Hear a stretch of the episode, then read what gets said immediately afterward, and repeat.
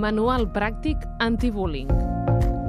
Oriol Julià, de CER, Salut i Educació Emocional.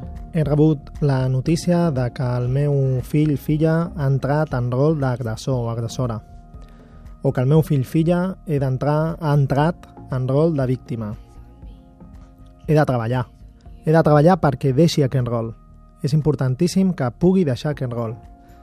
No és un agressor, no és una víctima, ha entrat en una situació en la que ha actuat així o ha patit aquesta situació. Primer de tot, per deixar aquest paper, és treballar l'autoestima.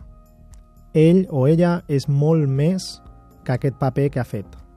Per tant, hem de conèixer, hem de treballar aquestes habilitats, hem de, en el cas dels agressors, sobretot, repassar els valors, repassar el que sent, acompanyar i treballar l'empatia.